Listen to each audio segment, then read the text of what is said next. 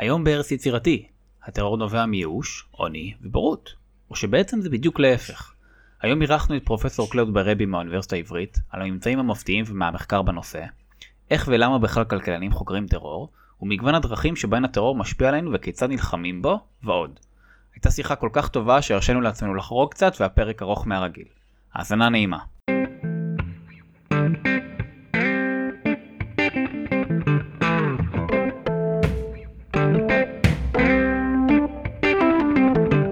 ברוכים הבאים לארץ יצירתי, פודקאסט על כלכלה, חברה וכל מה שביניהם. אה, שלום, תודה פרופסור אה, קלוד ברבי שהצטרפת אלינו. אתה כלכלן טרור, שזה קצת פחות גרוע ממה שזה נשמע.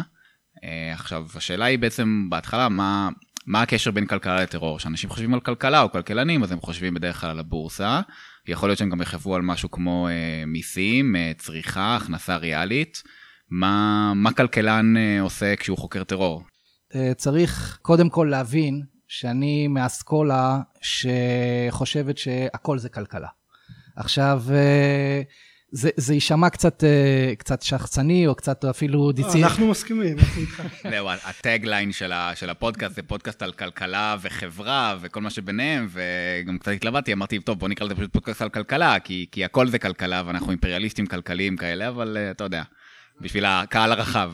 אז, אז, אז כדי, אבל כדי להבהיר למה אני חושב שבכל זאת יש בסיס לטענה הזאת, וזה לא רק אה, אימפריאליזם דיסיפל, דיסציפלינרי, אה, זה לא, כשאני אומר הכל זה כלכלה, הכוונה שלי היא לא להכל זה במונחים חומריים, או הכל זה מוניטרי, או, או דברים כאלה, אלא שהכל אה, מבוסס בדרך כלל על חשיבה.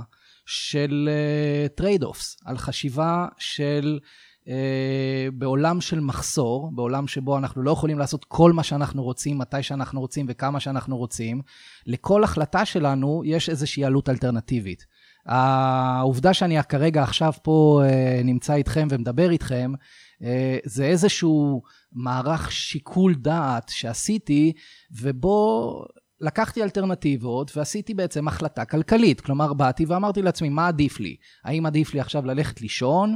האם עדיף לי לנוח קצת? או עדיף לי לקרוא ספר? או אולי לראות סרט? או שעדיף לי לדבר עם חברים? או אולי אה, לתקשר עם אה, מישהו אחר? אה, ואו שאולי עדיף לי לעשות אה, אה, שיחה לפודקאסט אה, אה, של אה, אריאל ו- ואורי. יש לי איזושהי תחושה לגבי טרור, שזה כאילו משהו נורא נורא רגשי, שזה נובע מרגשות, שאין כאן. משהו רציונלי. אנשים מפוצצים את עצמם ברחוב. אז יש איזושהי שאלה, איך, איך כלכלנים שמתייחסים לכל בני אדם בצורה רציונלית כזאת יכולים לנתח משהו שהוא כל כך רגשי וכל כך אה, נראה לנו גם אכזרי ולא אנושי לפעמים. אז, אה, אז שוב, הגישה שלנו בעצם בסופו של דבר מגיעה ממקום של אה, לנסות ולבחון את ההתנהגות האנושית ברמת, ה, במקרה הזה ברמת הפרט, אבל גם ברמת הקבוצה. אה, כאשר אה, הנחת המוצא היא שיש איזשהו מכניזם רציונלי מאחורי זה. עכשיו, זה יכול להיות bounded rationality, זה יכול להיות רציונליות מוגבלת, או בתחומים מסוימים, אבל אחת ההפתעות, שאני אולי נדבר על זה אחר כך, אה, זה שמחבלים הם אה, בהחלט רציונליים, ארגוני טרור הם ממש ממש רציונליים, והתיאוריה הכלכלית והאמפיריקה הכלכלית אה, בהחלט מאוששת דברים שאנחנו יודעים על התנהגות צרכנית בדרך כלל, והתנהגות של פנאי מול תעסוקה באופן כללי. גם במקרים האלה, כך שדווקא מהבחינה הזאתי, היו לי פחות אה, הפתעות, או שמא אולי אפשר לקרוא לזה כן הפתעות, אבל אה, הפתעות לאחרים, אה, שגם בעולם הזה ההתנהלות הכלכלית אה, יש לה פרדיקציה, והיא אכן אה, עומדת ב, בממצאים שלנו, אה, אבל צריך להבין גם איך התגלגלתי לזה, כאילו אה, זה, זה סיפור אה, קצת... כמו הרבה דברים בחיים, אה, זה סיפור שהוא, אה, יש בו אה, מקריות, להיות במקום הנכון בזמן הנכון, או, או להפך. במקרה שלי, אני הייתי, בדיוק התחלתי לעבוד על הדוקטורט בתקופה של תחילת שנות האלפיים. סיימנו את, ה, את מבחני המאסטר, שבעצם המבחנים המסכמים של התואר השני בפרינסטון, ו, והיינו צריכים לבחור, היה לנו זמן מסוים לבחור נושא לדוקטורט. הכיוון שאני הלכתי אליו היה בכלל כלכלת חינוך. והתחלתי לחפש מה, מה הנושאים, ומה שקרה זה 9-11. 9-11 בדיוק קרה, והמנחה שלי, אלן קרוגר, זיכרונו לברכה, בא ושאל אותי, זה, זה כזה יציאה מאוד סטריאוטיפית, אבל הוא בא ואמר לי, אתה ישראלי, סיפרת לי ששירת בצבא, אתה מבין משהו במחבלים? והתשובה שלי הייתה, אני לא יודע, אבל אני אשמח לחקור את זה. והכוונה שלו הייתה בעיקר לנסות ולגשת לזה אה, מנקודת מבט של בעצם כל מקצוע. מי, מי האנשים שבעצם מחליטים שהם רוצים ללכת ולהשתתף אה, בפעילות חבלנית, או להיות מחבלים כ, כמקצוע, או כמקצוע אולי אחרון לחיים שלהם. בפרט אה, כשאנחנו... הבדיקה הראשונה הייתה צריכה להיות כמה, כמה מתוכם הם בעצם עושים את זה בכפייה, או באופן לא מודע, או מאי שפיות, ולאחר שהעדויות הראשוניות, שבעצם מרביתם, מרבית המחבלים, הם מחבלים שהם מתנדבים לפעילות הזו, אה, והיא לא פעילות בכפייה, כלומר, הם עושים את זה בצורה מודעת. אז נשאלת השאלה, כאילו, מי הם?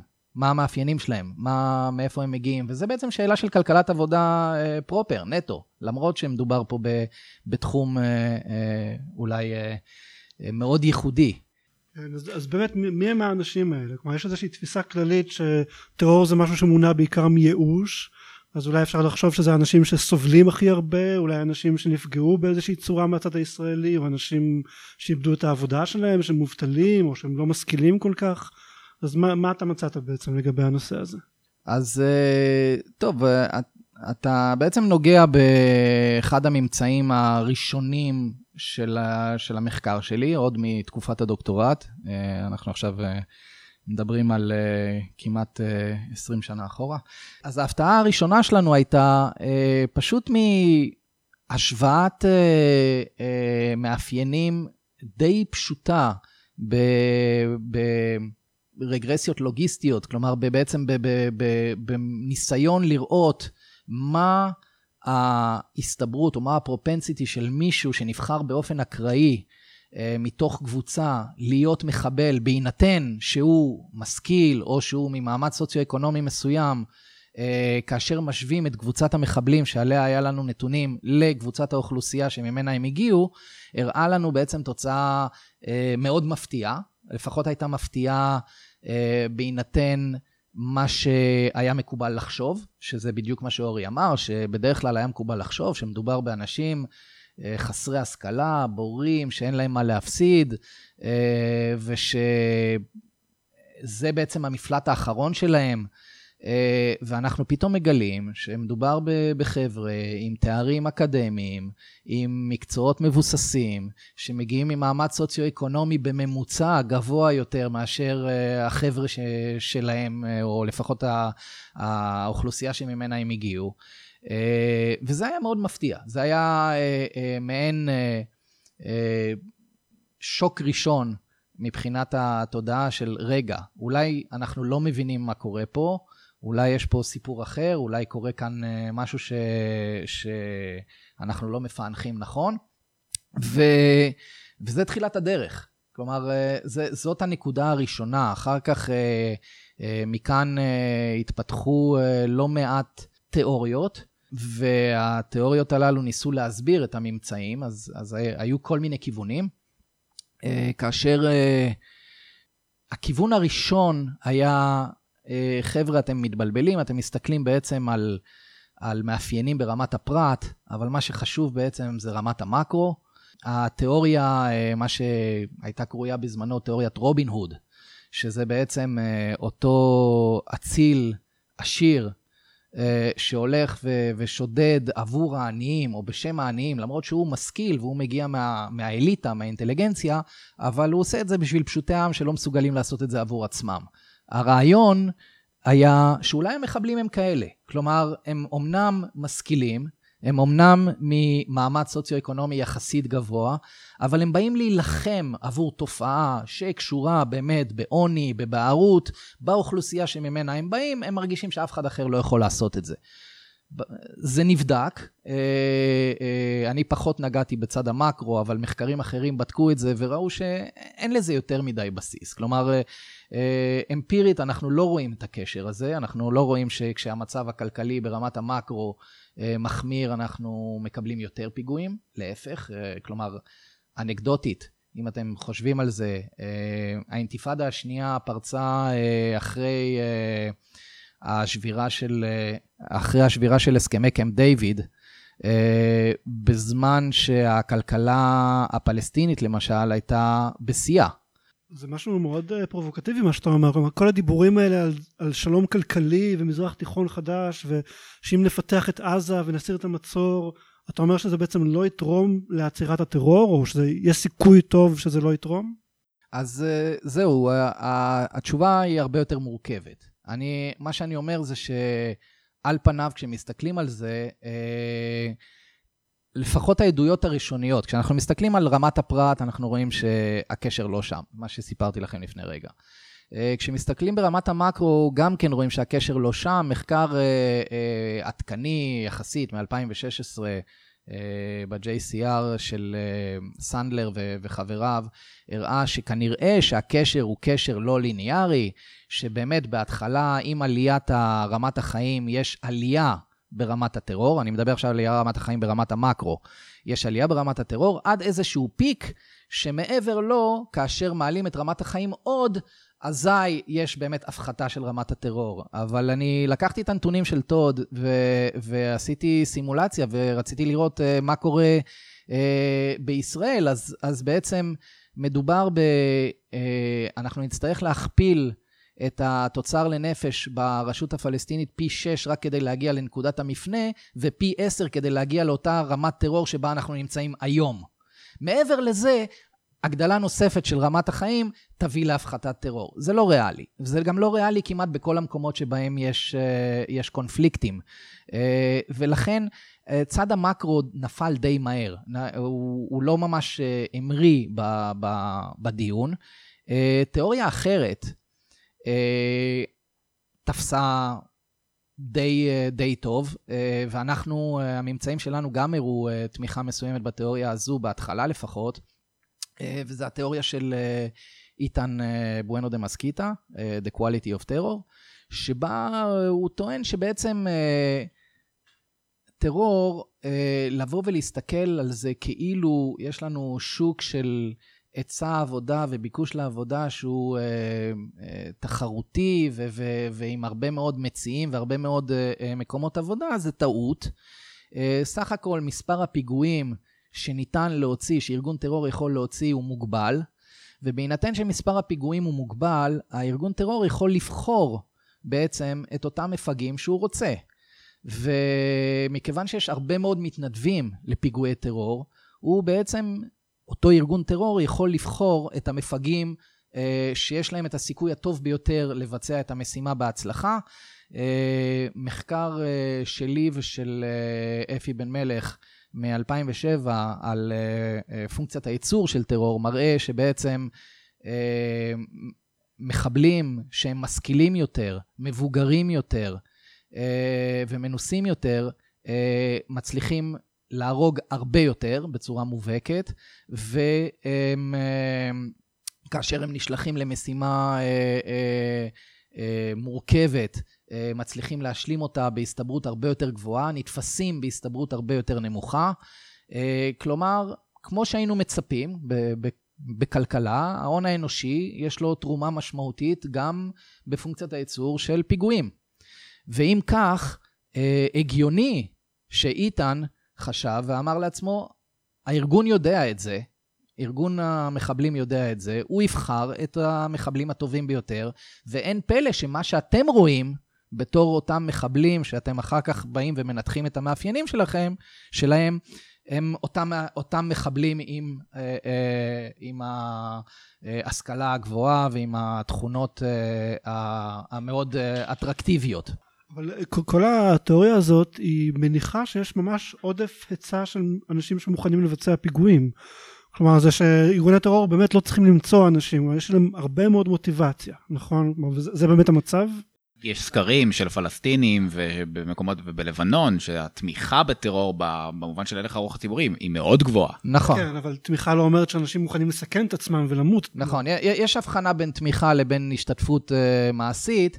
אני מנתח בדרך כלל אה, בסיסי נתונים רחבים ושיטת העבודה שלי היא אקונומטרית, אבל, אבל לפעמים גם נעזר בעבודות שהן יותר...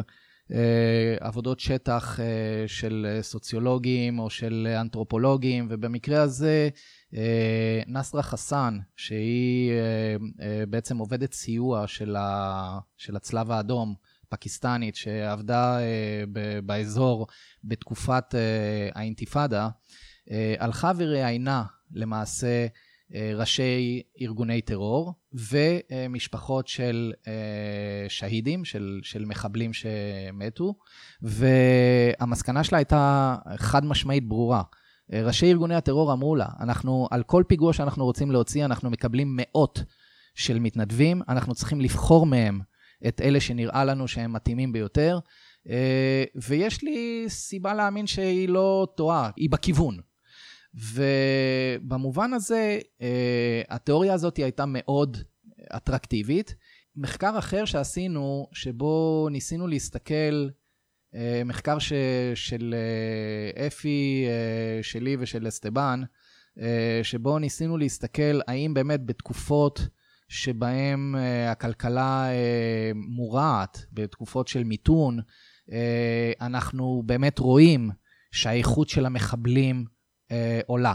של ה... גם של הפיגועים, אבל גם של המחבלים. איכות פיגועים זה בעצם המטרות הופכות להיות מסובכות יותר, או יותר אה, אה, אה, אטרקטיביות, אה, וגם האיכות של המחבלים, וזה הולך ביחד, כי למטרות קשות אה, זקוקים למחבלים יותר מוכשרים. ואכן מצאנו שכן. כלומר, אתה אומר שכשיש יותר אבטלה ולאנשים יש פחות אלטרנטיבות, אז הבחירה של ארגוני טרור, הם יכולים לבחור אנשים יותר איכותיים כדי לבצע את הפיגועים. בדיוק כך. זו, האמת, הרי זה בסופו של דבר מה, ש, מה שהביא לתפיסה הראשונית, אה, מעין אה, אה, אימפלמנטציה של תיאוריית הכלכלה של הפשע של גרי בקר, על, על טרור, לבוא ולומר, אם אין לך אלטרנטיבות, אז יש יותר סיכוי שאתה תפנה לטרור. זה מה שגרם לכך גם בעצם לחשוב שאנחנו מיד נראה שם אה, מסכנים ועניים הרבה יותר מאשר אה, אנשים משכילים. ההפתעה שלנו הייתה שזה לא מה שאנחנו רואים, אבל בהינתן התיאוריה של איתן, יכלנו להסביר למה מה שאנחנו רואים זה בעצם אותם אלה שהם יותר משכילים, ואכן, בתוך הקבוצה הזאת ראינו תנודתיות, שכאשר המצב הכלכלי מורע, אז יש יותר מאלו אה, אה, בפיגועים ש, שיוצאים לפועל. כלומר, זה, זה, זה היה מאוד מעניין, זה תמך אחד בשני, אה, הכל טוב ויפה עד נקודה מסוימת, והיא אה, ממש לא מזמן, כשהיה את אינתיפאדת הסכינים, אותה אינתיפאדה של הזאבים הבודדים, שבה ארגוני הטרור נעלמו. אז בעצם תהליך ה screening, אותו תהליך מיון שממפה ובעצם בוחר את הטובים ביותר, לא קיים. היית מצפה שבמצב כזה, אכן אנחנו נראה שמי שמגיע לעשות פיגועים בממוצע הוא מרמה נמוכה יותר.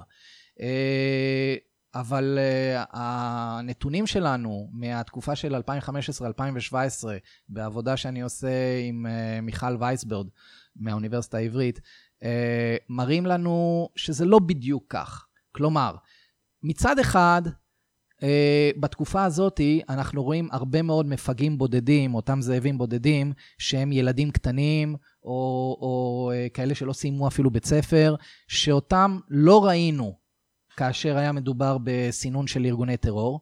מצד שני, אנחנו עדיין רואים אה, אה, אחוז או שיעור מעל הממוצע אה, של משכילים ומשכילים מאוד, וזה מפתיע. ומה שאנחנו רואים פחות זה בעצם את אותו מעמד ביניים, את אותו, אם אתם חושבים על זה גם סוציו-אקונומית, אבל גם מבחינת השכלה והון אנושי, אלה שבאמצע נמצאים הרבה פחות באותם אה, זאבים בודדים. אה, ולכן זה מחזיר אותי לפחות לשאלה, יש כנראה משהו נוסף על התיאוריה של ה screening, על התיאוריה הזאת של אה, איתן בואנו דה מסקיטה, שאומר, ארגוני הטרור הם אלה שמסננים, ולכן אתם רואים את המוצלחים ביותר. אה, זה נכון, במידה מסוימת, הם סיננו את הנכשלים ביותר, אבל אה, העובדה שעדיין יש לנו מלאי אה, של משכילים מעל הממוצע בתוך הקבוצה, אותה קבוצה של מחבלים, אומרת שכנראה שיש סיפור נוסף. אנחנו לא יודעים מה הסיפור הנוסף. יש כמה תיאוריות. יש, יש תיאוריה שאומרת שיכול להיות שהעודף השכלה זה בעצם רדיקליזציה. שמי שלומד יותר, רק מבין יותר עד כמה הוא אה, נפגע ועד כמה אה, נישלו אותו ועד כמה אה, יש מקום לעשות אה, מרי ו- ו- וכך הלאה. מעין אקטיביזם פוליטי מאוד מאוד קיצוני. כלומר, משהו שהרי אה, אנחנו היסטורית יודעים שמרבית המהפכות לא נעשו על ידי פשוטי העם, הם נעשו על ידי האינטליגנציה, הם נעשו על ידי אותם משכילים, אותם אלה שיצאו מהאוניברסיטאות. אה, במקרה הזה, זה לא רק מהפכה, זה מדובר פה בפיגועי טרור, אבל יש, אפשר לבנות מכניזם שבו אנחנו יכולים להבין למה אה, הקשר הזה יכול להיות אה, גם במקרה הזה של, אה, של אה, פיגועי טרור, אה, ולגרום לכך שיותר אה, משכילים ויותר אה, אה, אנשים ממעמד גבוה דווקא הצטרפו לשורות אותם ארגונים. מה לגבי מוטיבציות כמו למשל כסף שאנשים מקבלים מארגוני טרור או למשל הצלחה בשוק הזוגיות אולי זה מושך נשים כי הנה אני הייתי גבר גבר ויריתי על אנשים אז כל מיני דברים כאלה אתם רואים השפעה על כאלה דברים? אז תראה התמלוגים, אם זה התמלוגים שקיבלו בזמנו מסדאם חוסיין, ואם זה התמלוגים שהם מאוחר יותר קיבלו מהרשות, אה, לא מפצים על ההפסד. כלומר, אם אתה עושה את זה למטרות רווח נטו, זה לא כדאי. במיוחד כאשר מעורב בזה הסתברות להריסת בתים, ו- וכך הלאה, אנחנו נכנסים פה למקום, אתה לא, אתה לא יוצא מזה ברווח. אה, דברים אחרים אה, כן משחקים תפקיד. כל העניין, אה, אה, אחד הפוסטרים המשכנעים שבזמנו אפי הראה לי, אה, זה היה בעצם גודל הפוסטר, גודל התמונה שהשהיד מקבל בהינתן מספר המחבלים, מספר האנשים שהוא הרג בפיגוע. אה, וזה די מדהים. כאילו, הקשר הוא פשוט אה, כמעט אחד לאחד. כאילו, אתה רואה שמי שהרג יותר מקבל פוסטר יותר גדול, מקבל פוסטר לבד, ולא עם עוד איזה חמישה אה, מחבלים מתאבדים ביחד איתו, וכך הלאה, ומקבל יותר זמן, זמן תקשורת, יותר, יותר זמן מול, ה, מול החברה שממנה הוא הגיע. עכשיו, כל זה קורה לאחר מותו, אבל...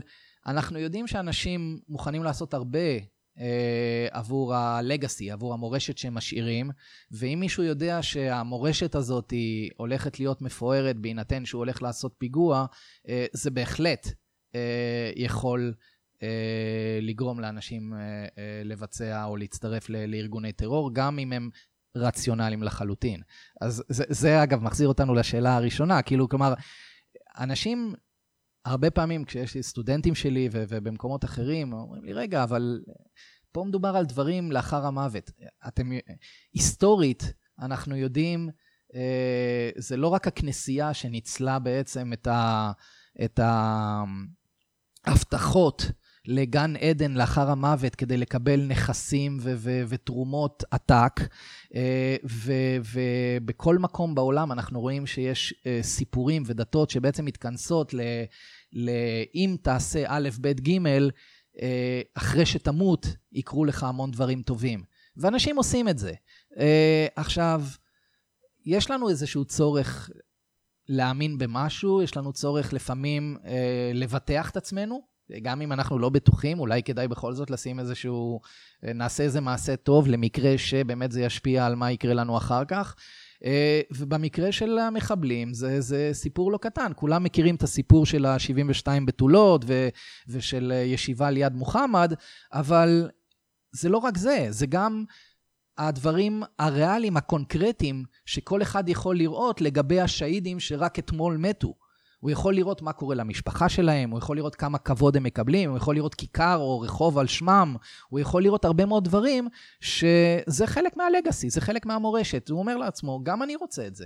הרי בסופו של דבר, מה הסיכוי שיעשו רחוב על שמי אם אני אלך עכשיו ויעבוד במוסך, או ילך עכשיו ואפילו יהיה מורה בבית ספר, ו- ואם יש לי השכלה טובה, אה, אה, יעבוד באיזה חברת תכנות. אה, אפסי.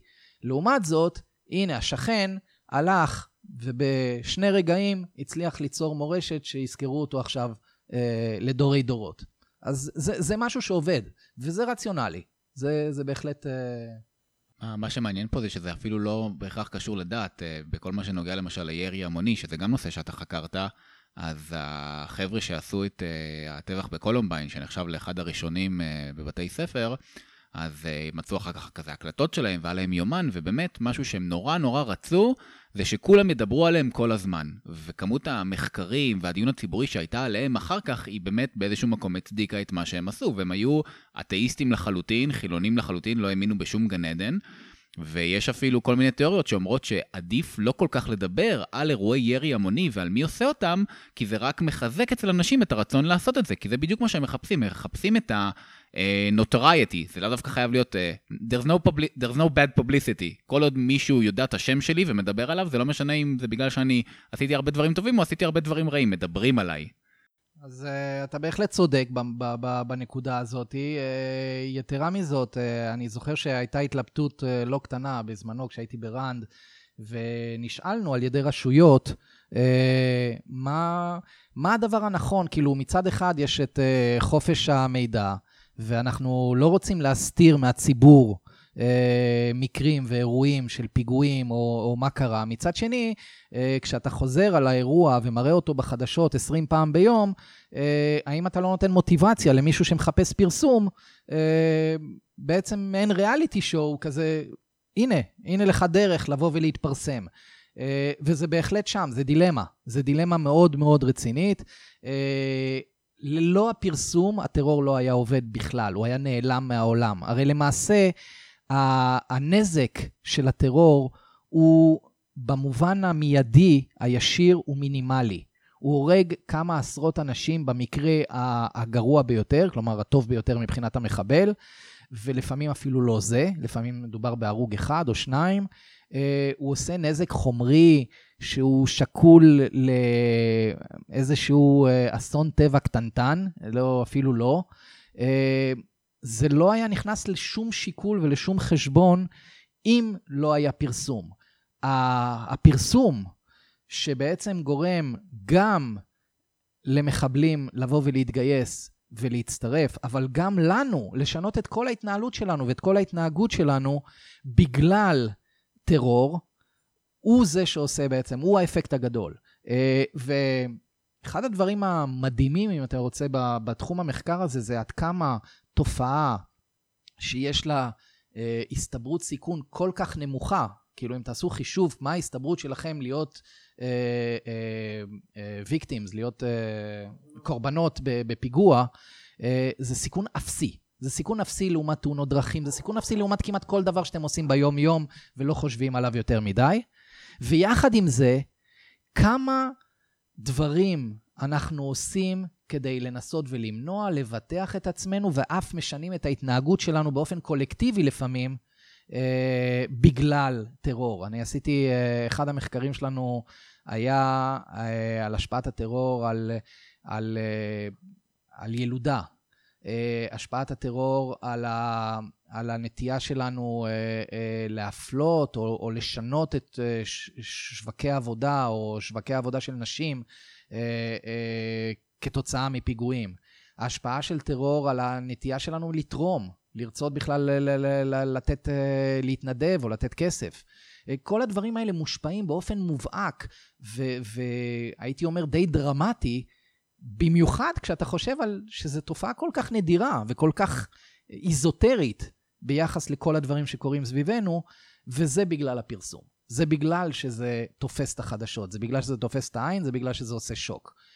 אה, אז, אז כן, זה, זה, זה בהחלט חלק מה, מהמניעים, אה, וזה בהחלט חלק מהמוטיבציה של מחבלים להצטרף לארגוני טרור. איך מונעים את זה בלי לחסום את התקשורת ובלי לבוא ולומר, אוקיי, עכשיו אנחנו לא נספר לכם על מה שקורה, אה, זה כבר, זה כבר שאלה אחרת שנמצאת בתחום, בתחום חשיבה אחר, גם כלכלי, אבל בתחום חשיבה אחר. אה, הייתי רוצה קצת לשנות את הנושא ולדבר על הנתונים עצמם. אז יש שתי שאלות בעצם. שאלה אחת היא, אתה משתמש בנתוני טרור לא רק מישראל אלא גם ממדינות אחרות, והנתונים האלה מעצם טבעם הם אה, יכולים להיות מוטים פוליטית, או לסבול מכל מיני הטיות, אז עד כמה הנתונים הם אמינים, עד כמה ההגדרות של פעולת טרור הן אחידות במדינות שונות ותקופות שונות. וגם שאלה שנייה זה בנוגע לקשר בין אה, קורלציה לסיבתיות, איך באמת מנסים לראות את האפקט הסיבתי של אירועי טרור ושל מאפיינים שונים שדיברת עליהם. אז uh, בעצם uh, עד, עד עכשיו דיברנו בעצם על התוצאות, על המסקנות, לפעמים גם על מדיניות, אבל uh, מה שאתה בעצם שואל זה בעצם העבודה הקשה שמאחורי כל אחד מהמחקרים הללו, וזה באמת העבודה הקשה. Uh, אותה הבחנה בין... Uh, מתאם לסיבתיות, אה, זה דבר שאנחנו שוברים איתו לא מעט את הראש. יש לנו, אה, אתם מכירים את המתודולוגיות, אבל אני אדבר על כמה מהם, ועד כמה לפעמים אה, הדברים יכולים להיות חשובים ומפתיעים. אז... ו- ולגבי בסיסי הנתונים, לגבי בסיסי הנתונים אני פחות חושש, אני אתחיל אולי מזה, מכיוון שבסך הכל עם הזמן די חוקרים שחוקרים טרור, אה, די הגיעו להסכמה לגבי אה, מה נחשב אירוע טרור ומה לא, למרות שהיו לא מעט בסיסי נתונים בהתחלה שהתחרו אחד בשני. היום אה, יש כמה, כמה בסיסי נתונים מרכזיים, כמו ה-Global Terrorism Database, שמאפשר אה, לבחור על פי קריטריונים כאלה ואחרים של ההגדרה שלך של טרור, מהו אירוע טרור. כלומר, אם, ה, אם אה, מדובר באירוע שאין בו אה, פן פוליטי, אתה יכול להגיד, אוקיי, מבחינתי זה לא אירוע טרור, בוא נוציא אותו החוצה. אם, אם המטרה היא מטרת רווח, למשל. כאילו, ו, וכך הלאה. כלומר, זה, זה יחסית... יחסית פשוט. אתה כמובן אה, במחקר שלך צריך אה, לציין את ההגדרות שהשתמשת בהן כדי שיבינו על מה אתה מדבר, אבל בסופו של דבר אה, זו פחות סוגיה. דברים כמו האם המאפיינים למשל של המחבלים שניתחנו הם, הם בעצם מהימנים או מגיעים, המידע עליהם הוא מהימן, זה, זה משהו שהתחבטנו בו לא מעט, ו- והסתמכנו על כמה דברים. חלק מזה זה אה, כל מיני חוקים דתיים ש- שמחייבים אה, בעצם אה, לפאר, למשל, שהיד לאחר מותו, אה, כך ש...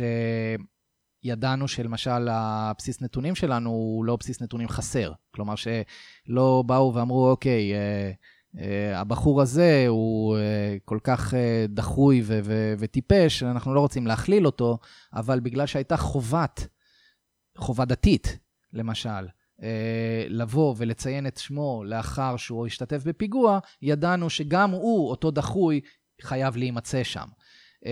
יתרה מזאת, וזה כבר טיעונים אחרים, זה טיעונים שקשורים יותר לטיעונים כלכליים של... של אה, שמירה על רפיוטיישן, אה, על, אה, על אמינות ועל על מוניטין, אף מחבל עתידי לא יתנדב אם הוא יראה שלאחר שהפיגוע נעשה, חלק מהמחבלים מסוננים ולא מקבלים את הפאר שעליו דיברנו עליו לפני רגע.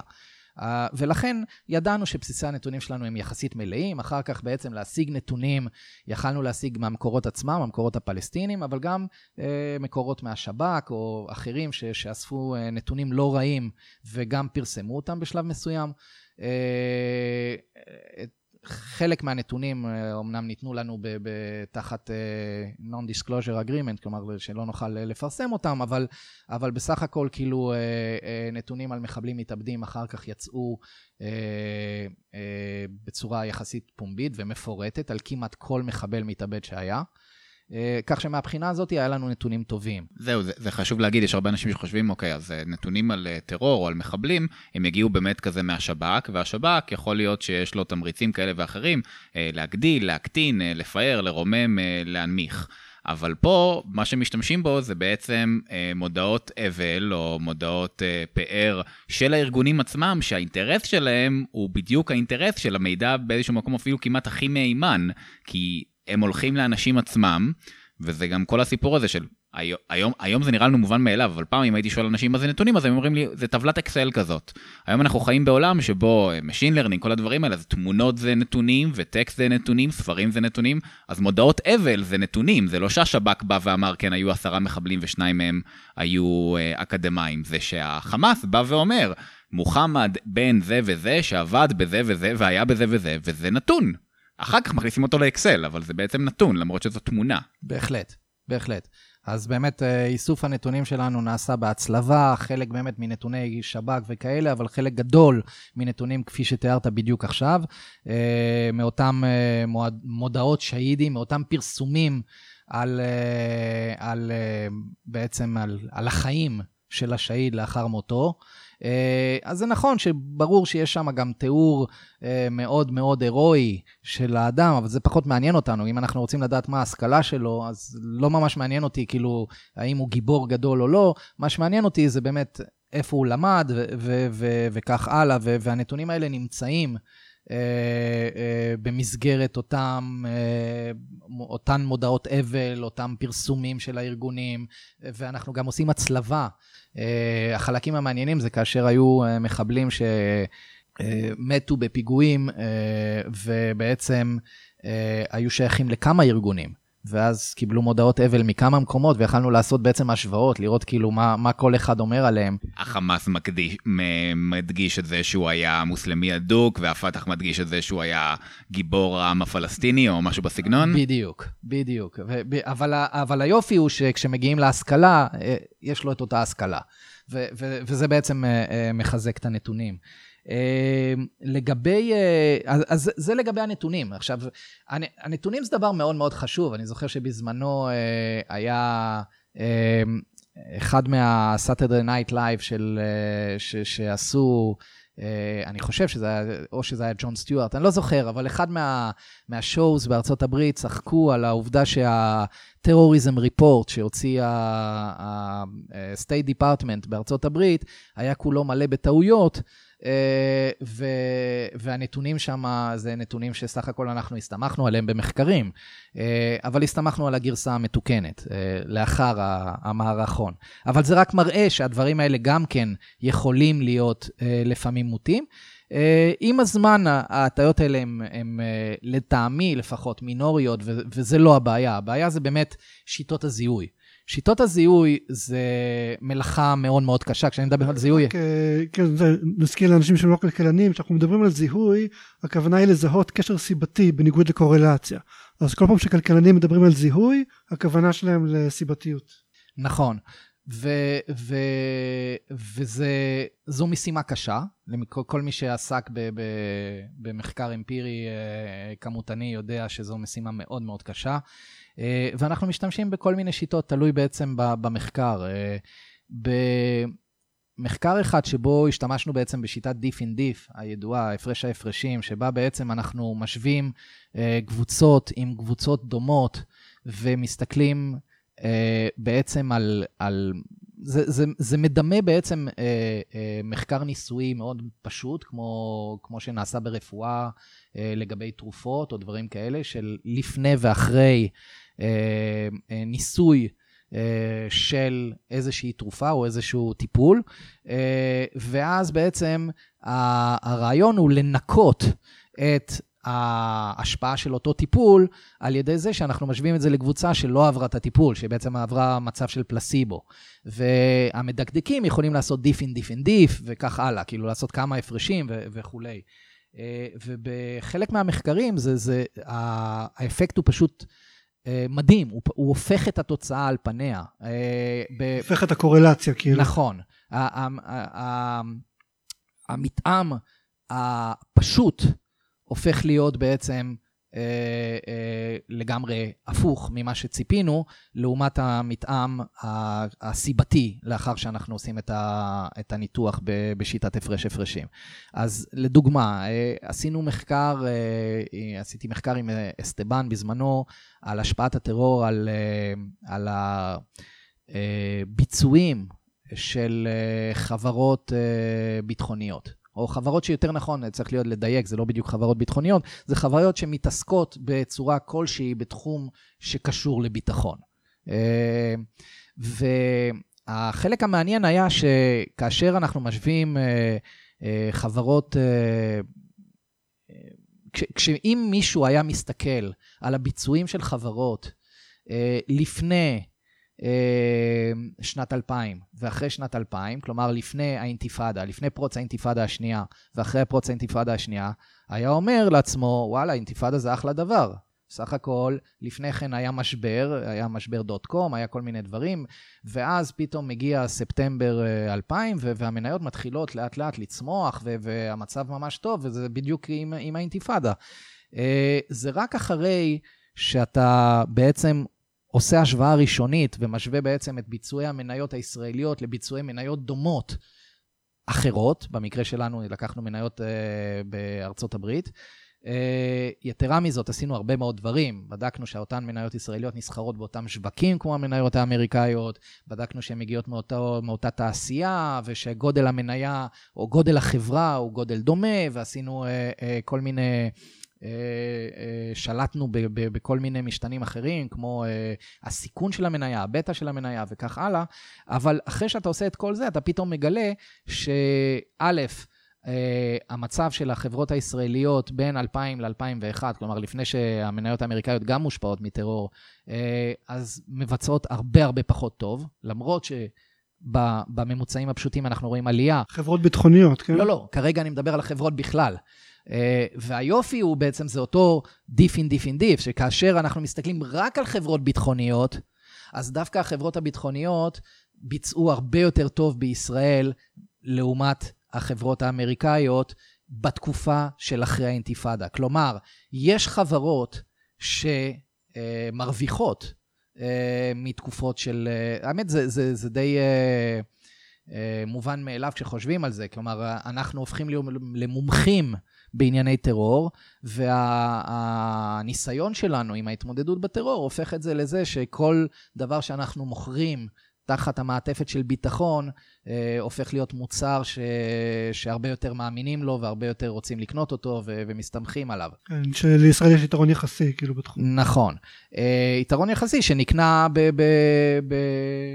ב... בהרבה דם, ו... וגם לפעמים שואלים אותי, אומרים לי, רגע, אז, אז אולי בסוף הרווחנו. לא, בסוף לא הרווחנו, כי סך הירידה, אה, כאשר מכפילים את זה במספר החברות שלא מתעסקות בתחומים ביטחוניים, לעומת סך העלייה שהייתה עבור אותן חברות שכן התעסקו בתחומים ביטחוניים, הייתה כזו שאנחנו יוצאים בסוף בהפסד. אה, הפסד לא קטן אפילו.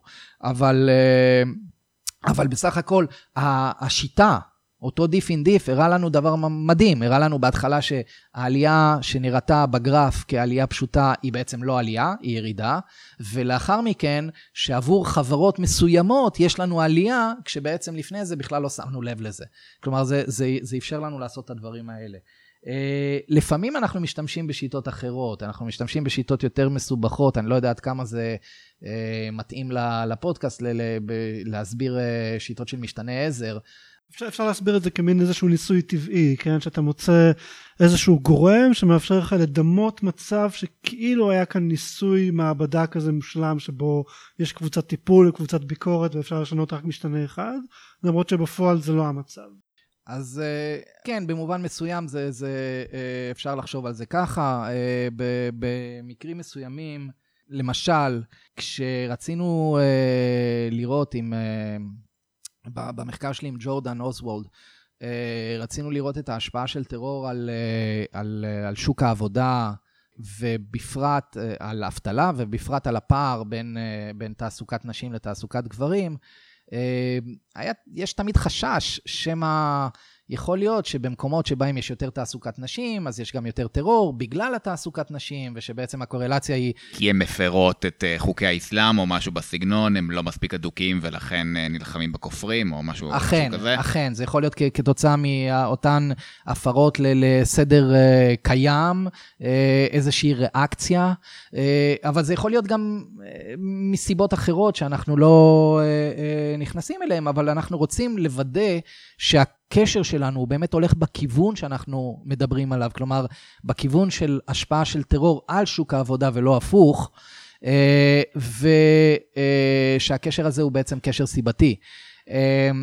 וכדי לעשות את זה, אז למשל, היינו צריכים לחפש משתנה עזר, במקרה הזה זה היה משתנה עזר מעניין, שבו אנחנו אמרנו, אוקיי, אם אנחנו ניקח טרור במדינה שכנה, וזה נשמע קצת מוזר למי שלא לא, לא מכיר את השיטות הללו, אבל uh, מסתבר שטרור במדינה שכנה מאוד מאוד מתואם עם טרור במדינה מסוימת, אבל טרור במדינה שכנה uh, לאו דווקא יגרור ריאקציה של אותה מדינה, כאילו של המדינה ש, שמעניינת אותנו, uh, לגבי שוק העבודה, כי זה לא הגיע מאצלם במקור.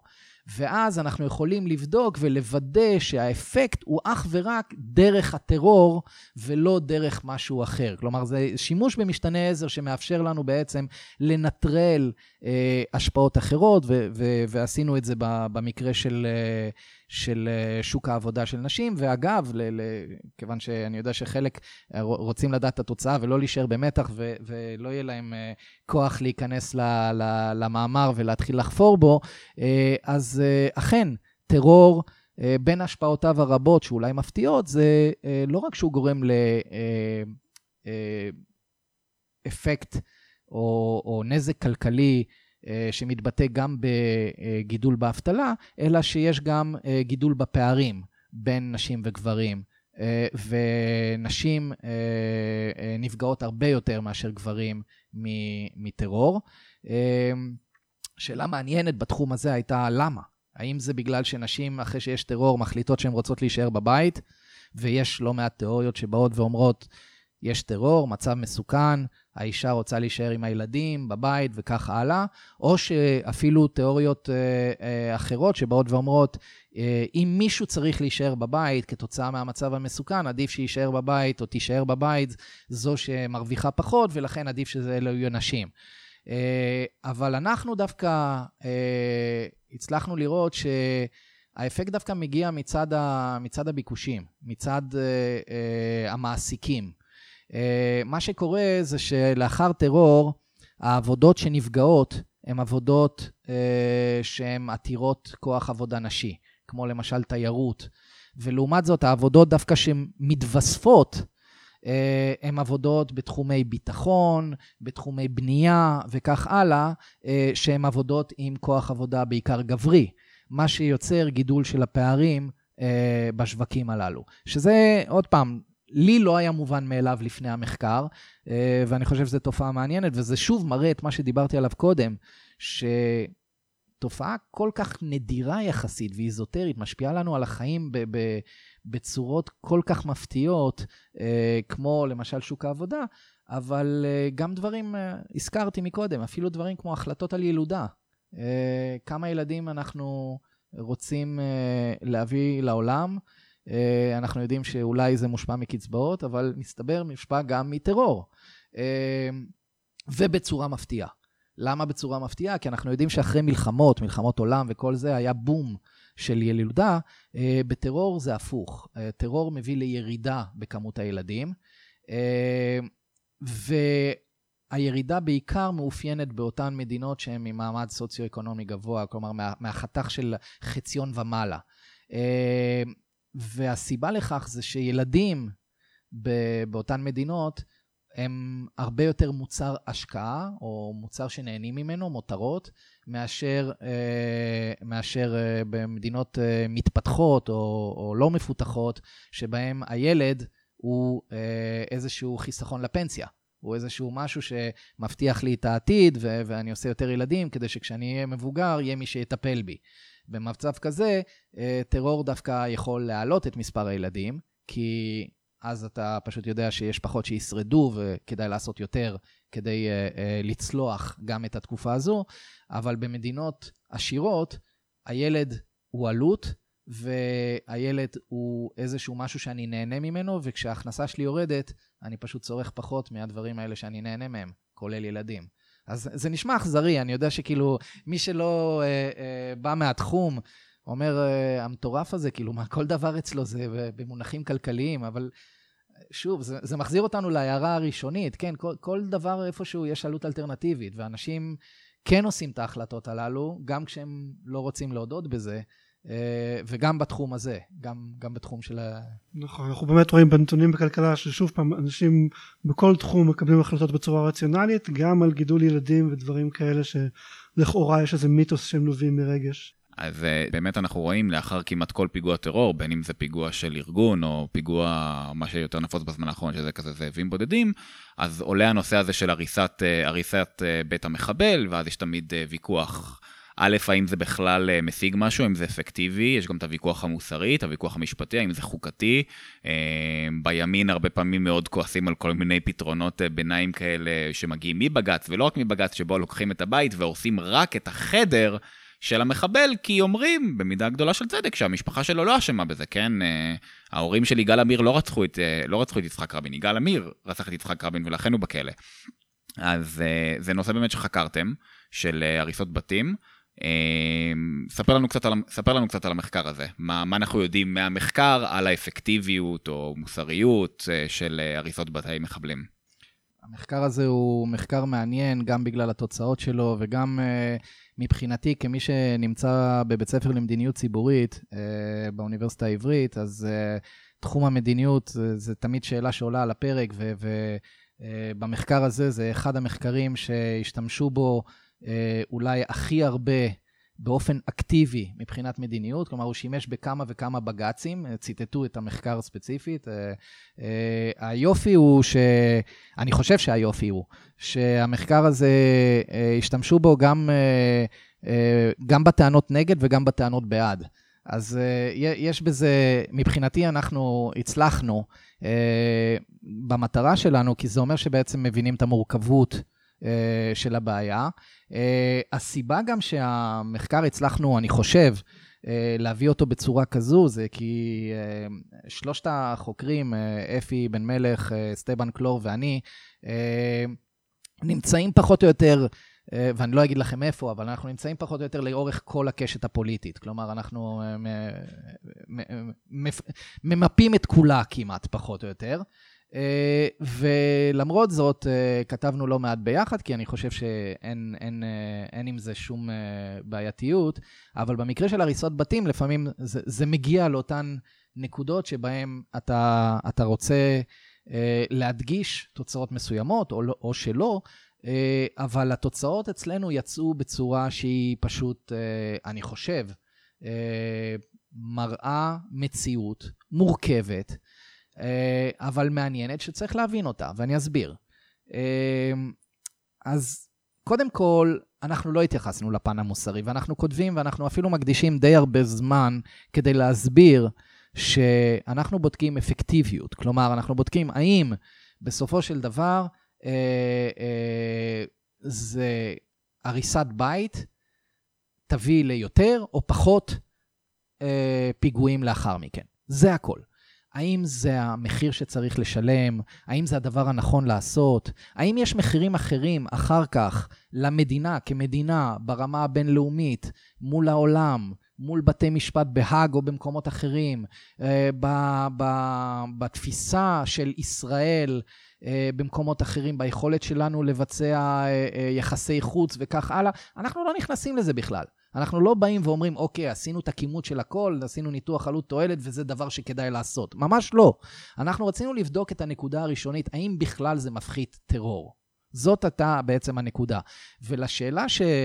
אה, אריאל אה, פתח איתה את הדיון, אה, האם כלכלת טרור זה לא משהו של שצריך הצבא או אמ"ן או, או אה, אה, השב"כ לעשות, ו, ואיך אתם כלכלנים מתעסקים בדברים הללו, אז אה, מסתבר שעד לפני נניח 20 שנה, השב"כ והמודיעין והצבא עשו את המחקר הזה ועשו אותו לא טוב. עשו אותו לא טוב, הם נפלו למעשה בכל אותם בורות, באותו, באות, באותן מלכודות ש, שלא צריכים ליפול. דיברנו לא מעט על מתאם וסיבתיות. אני חוזר לזה, אחת הטענות הראשונות הייתה, שים לב, כשיש הריסות בתים יש הרבה יותר פיגועים. פשוט ניתוח מתאמי הפשוט ביותר, אותו ניתוח שעליו התבססו במשך כמה וכמה דורות ב, ב, ב, במטכ"ל. דבר שכשאנחנו ראינו את זה, הפתיע אותנו מאוד, אמרנו כאילו, חבר'ה, זה הרי ברור שתקופה של הריסות בתים היא תקופה אה, מאוד מאוד אה, רועשת, מאוד מאוד בעייתית, וזו תקופה שבה היו הרבה פיגועים מן הסתם. זה לא הדרך לבדוק את זה. אתם רוצים לבדוק באמת את ההשפעה, אתם צריכים לנקות ולנסות לראות את הסיבתיות. כלומר, לראות קודם כל את הטיימינג של הדברים, לנסות לעשות איזשהו הפרש הפרשים על ידי ניסוי של מיקום ותצפיות uh, ספציפיות, ורק אז תוכלו להגיד באמת האם ההשפעה היא השפעה חיובית או השפעה שלילית וכך הלאה. Uh, אז אנחנו למעשה הראשונים אולי, שבאנו ועשינו את זה בצורה כזו. כלומר, לקחנו את ארגז הכלים של הכלכלנים ואמרנו, בואו נסתכל על הבעיה הזאת בצורה הכי פשוטה של האם זה מעלה או מוריד. זה.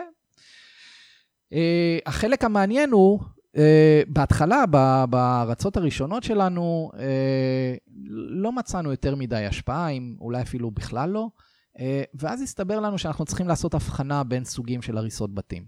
יש הריסות בתים שהן הריסות בתים לצורכי ענישה, ויש הריסות בתים שהן הריסות בתים שהן לצורכי אה, אה, הרתעה, אוקיי? אנחנו קוראים לזה הרתעה, זה לאו דווקא הרתעה, זה גם למשל הריסת בית שנמצא במקום לא נוח לצבא. למשל, אם יש אה, איזשהו כפר ויש בית מאוד גבוה ו- ויש אה, יש חוליה שצריכה לעשות פתיחת ציר שם כל, כל יום, אה, ויש חשש שיהיה צלף מאותו בית, אז יכול להיות שיהרסו את הבית הזה, כי הבית הזה מסוכן לאותה יחידה. אבל אף אחד לא עשה כלום כדי להיענש, או אף אחד, בעל הבית הזה לא עשה משהו ספציפי.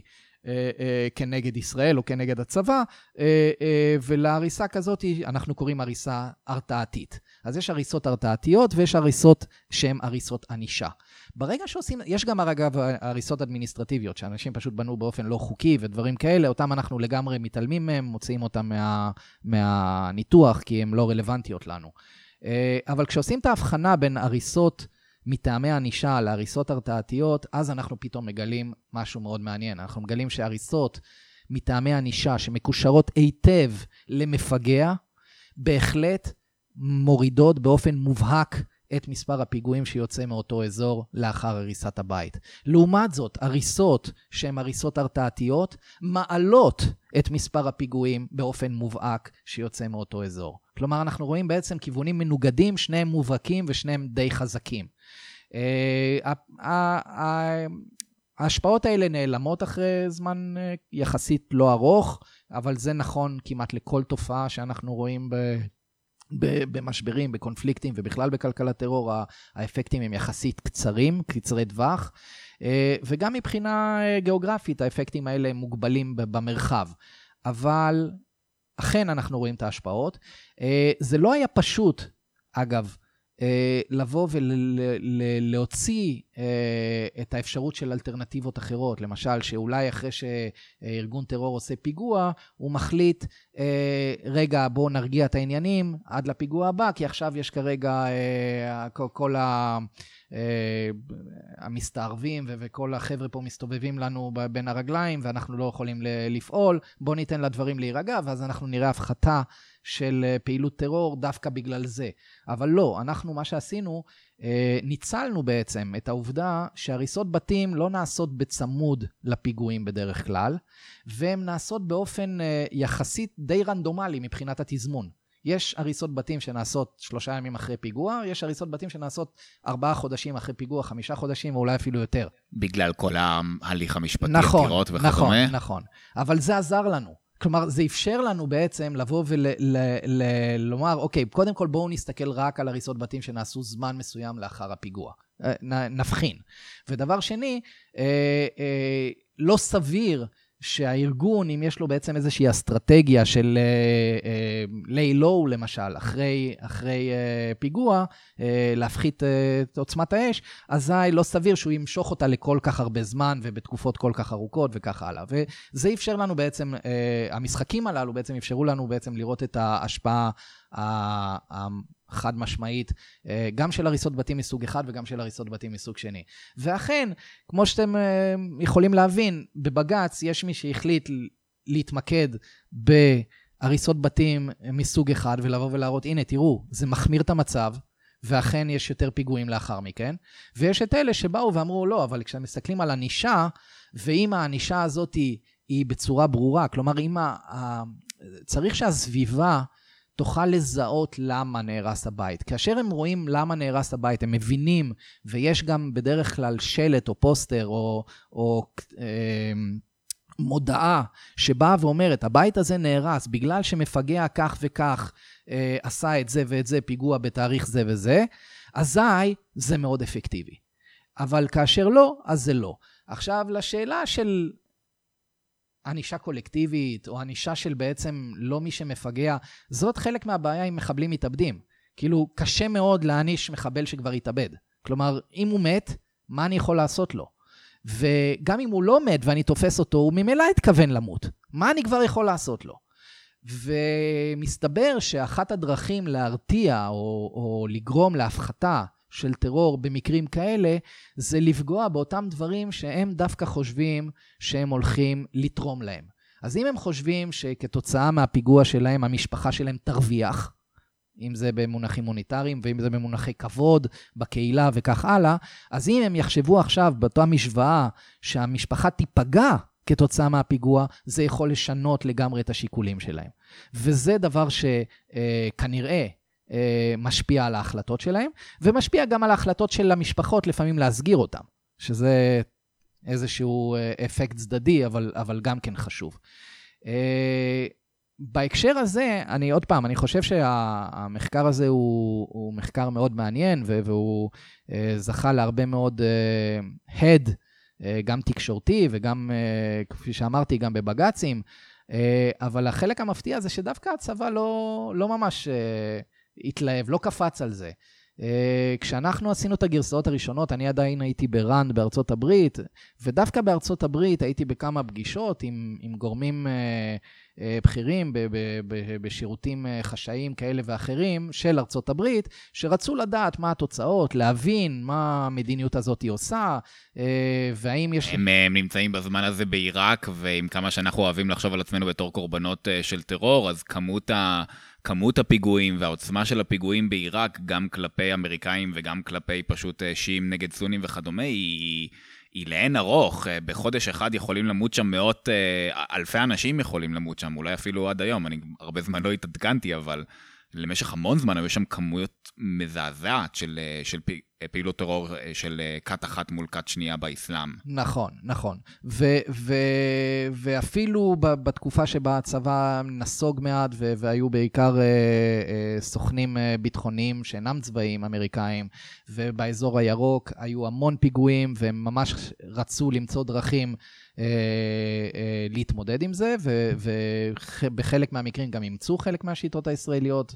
Uh, אז אותם זה מאוד עניין. מסתבר שבישראל זה קצת פחות הלהיב את החבר'ה. אני חייב להגיד, אני לא זה שהצגתי את זה, אבל אפי הוזמן פעם אחת uh, למפגש, uh, ואני מקווה שאני uh, מתאר נכונה את המצב, ולפי ה, איך, ש, איך שאפי סיפר לי אותו, uh, הוא פשוט הגיע, ואותו... אה, אני לא זוכר כאילו מה הייתה הדרגה, אם זה היה תת-אלוף, או מי, מי היה אותו בחור שדיבר איתו, אותו אה, קצין שדיבר איתו, אבל אה, זה היה ברור שהוא מאוד לא משועשע מהמחקר שלנו, ומה שהוא עשה, הוא ניסה כאילו באופן די ציני, הוציא מפה, שם אותה על השולחן, ואמר לו, טוב, הנה, יש לי פה ככה וככה, איזה בית אתה חושב שאני צריך לפוצץ? זה, זה, היה, זה היה די מגוחך, וכאילו בא, בא להראות איזשהו זלזול של מה, מה אתם חושבים שאתם יודעים, אתם לא בשטח, אתם באים ו, ורוצים לבוא ולומר לנו איך דברים משפיעים. אה, ולטעמי זה, איזושהי, זה איזשהו חוסר הבנה של היכולת של סטטיסטיקה לבוא ולתת לנו הנחיות מדיניות שהן לא, אני לא יודע איזה בית אתה צריך עכשיו ללכת ולפוצץ, אבל אני כן יודע אם אתה תעשה א', ב', ג', האם זה יעזור או שמא זה יקשה עליך בעתיד. וזה דבר שהוא חשוב. ו- ואני חושב שלא הפנמנו את זה לגמרי, או לפחות בתקופה ההיא לא הפנמנו את זה לגמרי. יכול להיות שהיום אה, הדברים הם קצת שונים, אני, אני היום קצת פחות אה, אה, אה נשאל על, על, על התחומים הללו. זה, זה, זה אפילו לא עניין רק של סיבתיות, זה גם עניין של דיסקריפטיביות. אני יכול אה, אה, לעבוד עם אה, נתונים ממגוון מקורות על אלפי אנשים, אה, סקרים, לא סקרים, אה, מנהלי, רשות המיסים וזה, ו... אה, להגיע לכל מיני ממצאים, השכר הממוצע, שיעור העוני, אבטלה, כל מיני דברים כאלה, ותמיד יהיה את החכם, הוא יכול להיות לפעמים אה, אפילו אדם משכיל, ולפעמים גם לא אדם משכיל, שיבוא ויגיד, נו באמת, כל מה שאתה מכיר זה את האקסל הזה שלך, אני רואה מסביבי אלפי עניים, אה, לאף אחד מהם אין כסף לכלום, הם תובעים בחובות והם מובטלים, והם גם איכשהו עובדים איכשהו במשרה חלקית שלא מספיקה לצרכים שלהם. כלומר, כל הדברים הרעים, ולפעמים אולי גם הדברים הטובים, אני רואה אותם, אז מי אתה שתבוא עם, ה, עם, ה, עם הנתונים שלך והניתוח שלך ותגיד לי אחרת, אתה אי פעם בכלל ראית...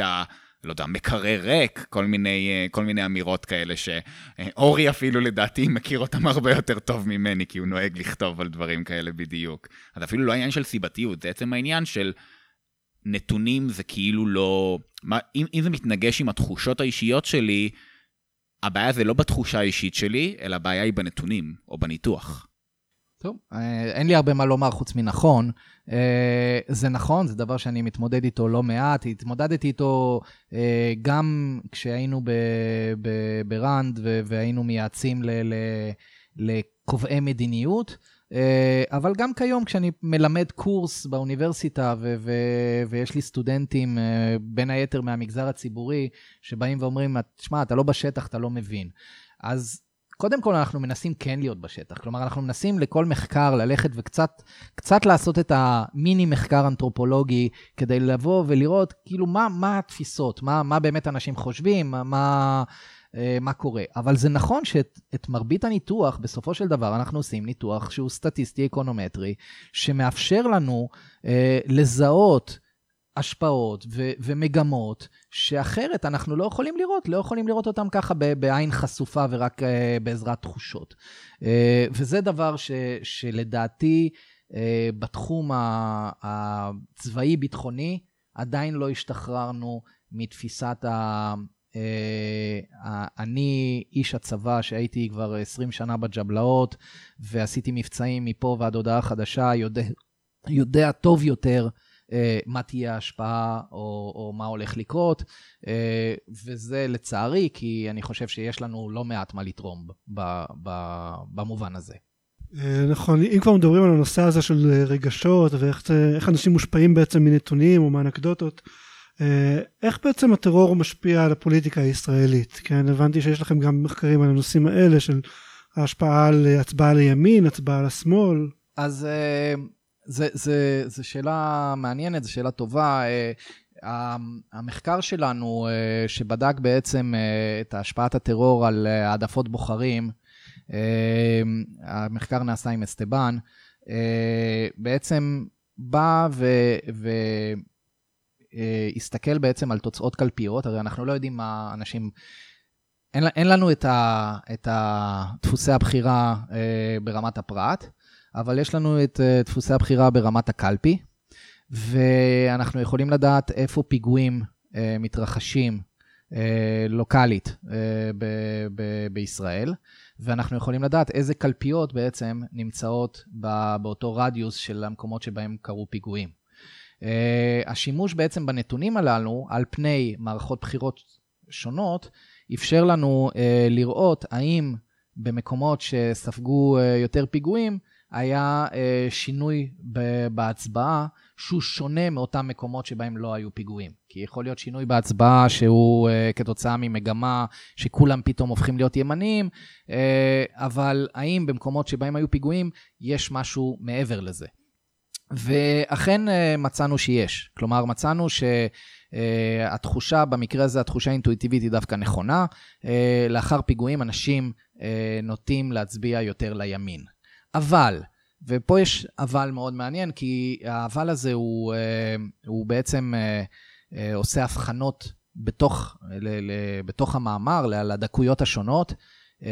קודם כל, חשוב לציין ש, שזה לא כזה פשוט, כן? כאילו, לבוא ולבחון אה, השפעה כזו, אה, צריך לבחון הרבה מאוד אה, מקרי פלסיבו למיניהם, שבהם אנחנו רוצים לבדוק שזה לא כתוצאה מזה שפתאום אה, אנשים לא שינו את, אה, את המצבם, אבל פשוט החליטו, אה, כל הימנים החליטו לעזוב את המקומות שבהם אין פיגועים וללכת לגור במקומות מסוכנים, וכל השמאלנים החליטו לעזוב את המקומות שיש פיגועים ולעבור למרכז תל אביב, או אני, אני לא יודע, כאילו לעשות משהו שבעצם גורם לכך ששינויי ההצבעה לא מראים שינוי העדפות, אלא מראים דווקא אה, תנודה של, של מצביעים. או אפילו אה, לפעמים אה, שיעורי הצבעה. כלומר, אם יש מקומות שבהם יש ההצבעה היא לא 100%, ו- וזה בדרך כלל המצב, אז יכול להיות שכתוצאה מפיגועים דווקא אנשים מסוימים מתעוררים להצביע, ואנשים אחרים מחליטים שלא להצביע. אז גם את זה היינו צריכים לבדוק. כלומר, כל אחד מהדברים הללו, בדקנו אותם. כלומר, בדקנו אותם, הבחנו, עשינו את המקרי בוחן המיוחדים כדי לראות שאכן מדובר בשינוי העדפות. כלומר, מדובר באנשים ששינו את ההצבעה שלהם מדבר אחד לדבר אחר, וראינו שני דברים בגדול. אחד, זה שבממוצע, כאשר יש יותר פיגועים, מצביעים יותר לימין. אבל השני, וזה היה מאוד מעניין, זה מאוד תלוי האם הפיגוע קרה אצלך או לא קרה אצלך. מה שקורה זה דבר כזה, מקומות שספגו פיגועים באופן ישיר, הפכו להיות יותר ימניים, גם אם לפני כן הם הצביעו יותר לשמאל. אבל במקומות שבהם לא ספגו פיגוע באופן ישיר, היה בעצם התחזקות של הדעות הקודמות שלכם. כלומר, אם היית ימני נהיית יותר ימני, אם היית שמאלני נהיית יותר שמאלני. כלומר, יותר אנשים באותו מקום, שאם זה מקום שהוא נוטה להצביע שמאל, יותר אנשים באותו מקום הצביעו שמאל. אם זה מקום שנוטה להצביע ימין, יותר אנשים הצביעו ימין. עכשיו, זה מדהים כי זה גורם לפולריזציה. בדעות ובהצבעות אה, בקרב הבוחרים. זאת אומרת, זה מצד אחד, בגלל המקומות שנפגעו ישירות, יש עלייה בתמיכה בימין, אבל מצד שני, בגלל שכל המקומות שלא נפגעו ישירות הופכים להיות קיצוניים יותר, אין לימין ואין לשמאל, תלוי מה היו העדפות הקודמות שלהם, אבל יש מספיק שהיו שמאל שהולכים יותר שמאלה, זה גורם לפולריזציה בהעדפות ובעצם לשסע עמוק יותר. כלומר, אם אתם רוצים, הנזקים של הטרור, דיברנו על לא מעט נזקים של טרור או כל מיני השפעות של טרור, אז הנה לנו עוד נזק. בנוסף לכל, זה גורם להרחבת השסע בחברה. זה מזכיר קצת את, קורי עכביש של נסראללה ואת הרעיון הזה שהחברה הישראלית תיפגע כתוצאה מהפעילויות האלה. אז uh, היו הרבה, אגב, uh, זה לא רק נסראללה, גם בן לאדן בזמנו אמר שהמטרה שלו זה לפגוע כלכלית בארצות הברית. אה, ובמידה מסוימת הוא די הצליח, כאילו הוא גרם להוצאות עתק אה, כדי להתמודד עם הטרור. זה לא משנה אם זה ישירות או בעקיפין. אה, הזמן שאנחנו מבזבזים בשדה תעופה רק כדי לעלות למטוס, כתוצאה מזה שהיו פיגועים במטוסים, אה, זה עלות עצומה כשמכפילים את זה על פני כל, ה, כל הנושאים אה, בכל העולם, וזה בזכותם של כמה מחבלים בודדים, כלומר הם, הם הצליחו לעשות את זה ובגדול. אבל ב- בישראל, קרתה תופעה מעניינת, כאילו, אם אתם שואלים, אוקיי, אז אם ככה סבלנו נחשפנו הרבה לטרור, אז מה, נהיינו כולם ימניים? אז הבחירות מראות שכן, אחוז התומכים בימין בהשוואה היסטורית הלך וגדל, אבל כשמסתכלים מהותית מה זה הימין, אנחנו רואים משהו מאוד מעניין, וזה במחקר דווקא לא שלי, אלא מחקר של, אה, מחקר המשך של אסטבן עם אה, ארי גולד, שבה הם הסתכלו שהעדפות באופן כללי של הימין הופכות להיות יותר שמאלניות.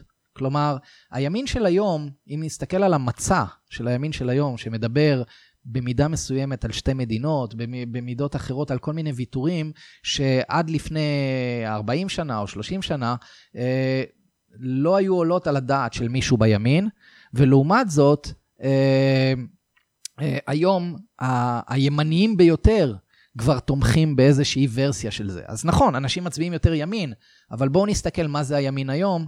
אה, יש לנו ימין שהוא הרבה יותר מרוכך, ו... ובוויכוח הזה, זה בעצם הוויכוח של האם הטרור הוא אפקטיבי.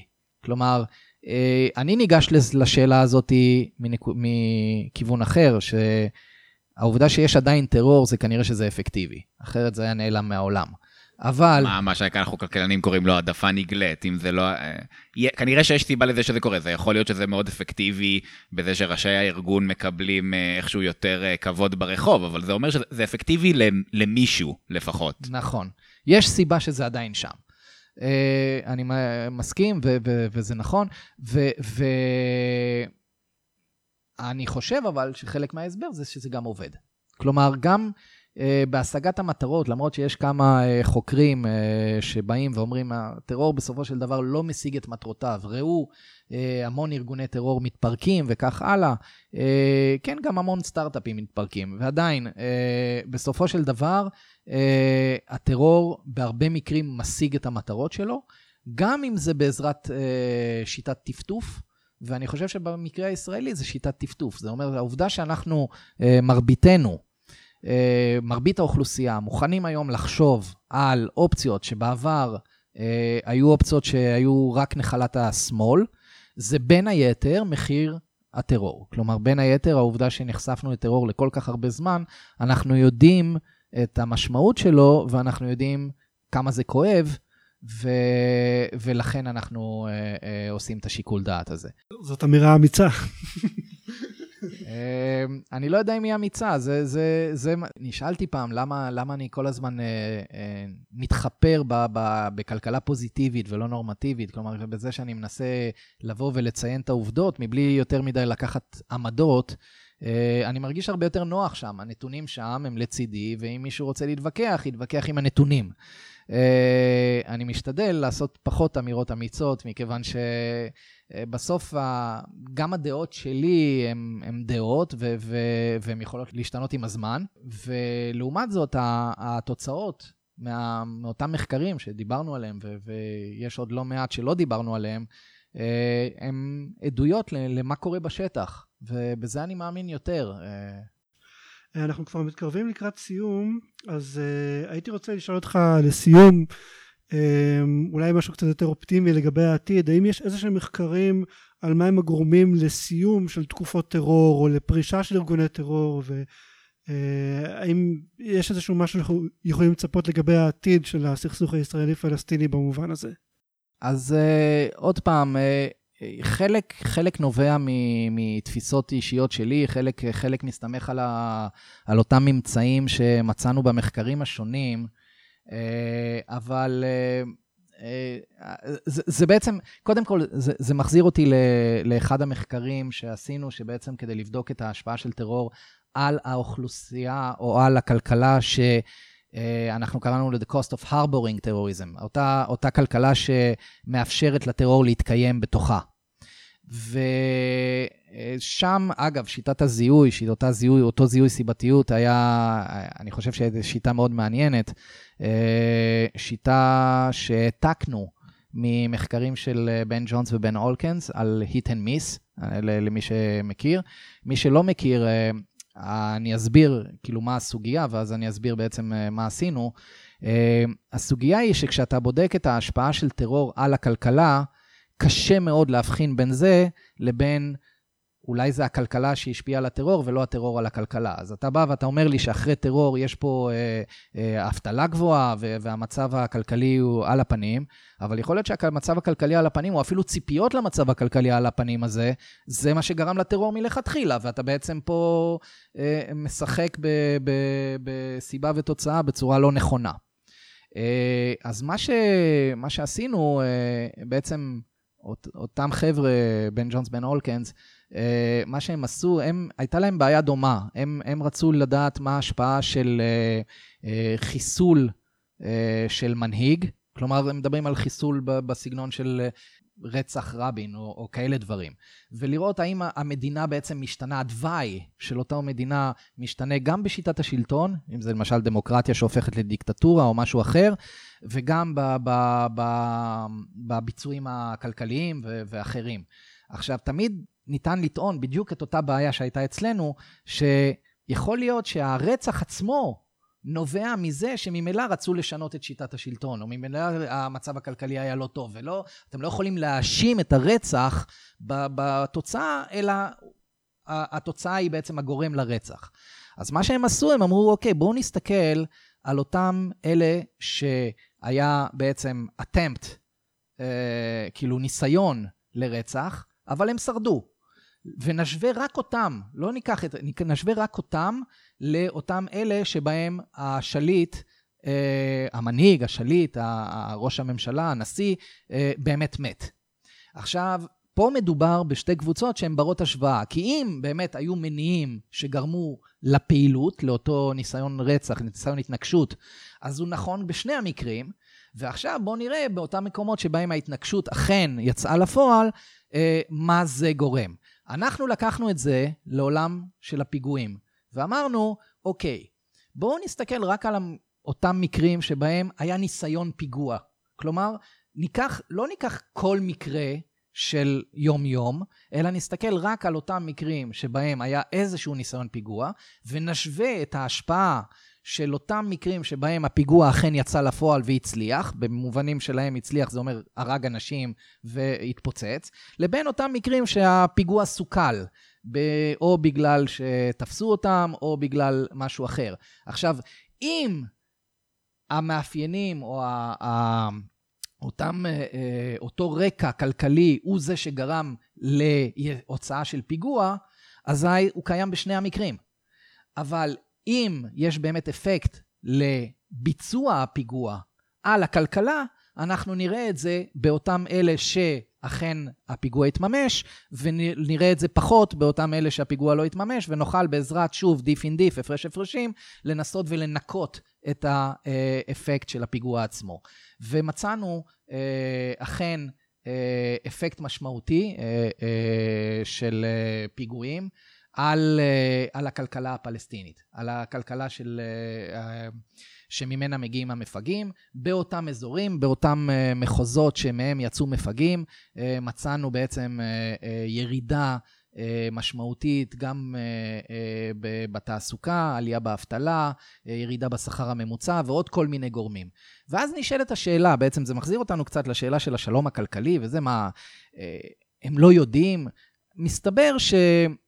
חלק גדול, הרי כשאנחנו חושבים על, אה, על מה אפשר לעשות, או, או למה הדברים לא, לא תמיד עובדים, אה, אנחנו יודעים בכלכלה, וזה גם מתחומים אחרים, שחלק גדול מונע כתוצאה מאמון, מונע כתוצאה מ-perception, מתפיסה של, של המצב, ולאו דווקא מהמצב עצמו. אה, ומציפיות, אנחנו יודעים שהמון המון בכלכלה קורה כתוצאה מזה שיש לנו ציפיות למשהו מסוים, ולאו דווקא בגלל שהדבר הזה קרה. וכאשר מצליחים עדיין למכור את הרע הכלכלי כישראל היא האשמה, אין, זה, זה לא, לא ייתן לנו שום דבר. כלומר, וגם אם הטוב הכלכלי יגיע, אם, אם הזקיפות לא תהיה לזה שזה בגלל שהפחתנו בפיגועים, או זה בגלל שעכשיו אנחנו במצב טוב עם השכנים, אה, אז זה לא יעזור. אה, וזה מה שקורה, זה הבעיה. הבעיה שהקרדיט לדברים הטובים אה, מגיע לכיוונים שלא קשורים בכלל להדדיות או לסחר או לשיתוף פעולה, והאשמה על הדברים הרעים מואשמת תמיד על ישראל, ובמצב כזה, גם אם הנתונים מראים לנו ש... יותר פיגועים ויותר אה, אה, סכסוך בעצם גורם לבעיה כלכלית אה, ולהחמרה של הבעיה הכלכלית בכלכלה הפלסטינית, אה, הם, הם לא ממש מתרגמים את זה, הם לא ממש רואים את זה, והרבה פעמים הם גם אומרים, אני מוכן לשלם את המחיר, כי יש לי איזה שהן אה, אספירציות אחרות. טוב, אז אה, יפה מאוד, אני חושב שהיה שיחה ממש מרתקת. תודה רבה לך. תודה רבה, קלוד. תודה לכם, תודה שהזמנתם אותי. אנחנו היינו ארץ יצירתי, אורי כץ, איתי טישנבסקי ואריאל קרלינסקי. בהערות הפרק אפשר למצוא קישורים לספרים, מחקרים ודברים נוספים שדיברנו עליהם. אפשר למצוא אותנו בפייסבוק ובכל אפליקציות הפודקאסטים. תעשו לנו לייק ותשתפו עם חברים. נתראה בפרק הבא.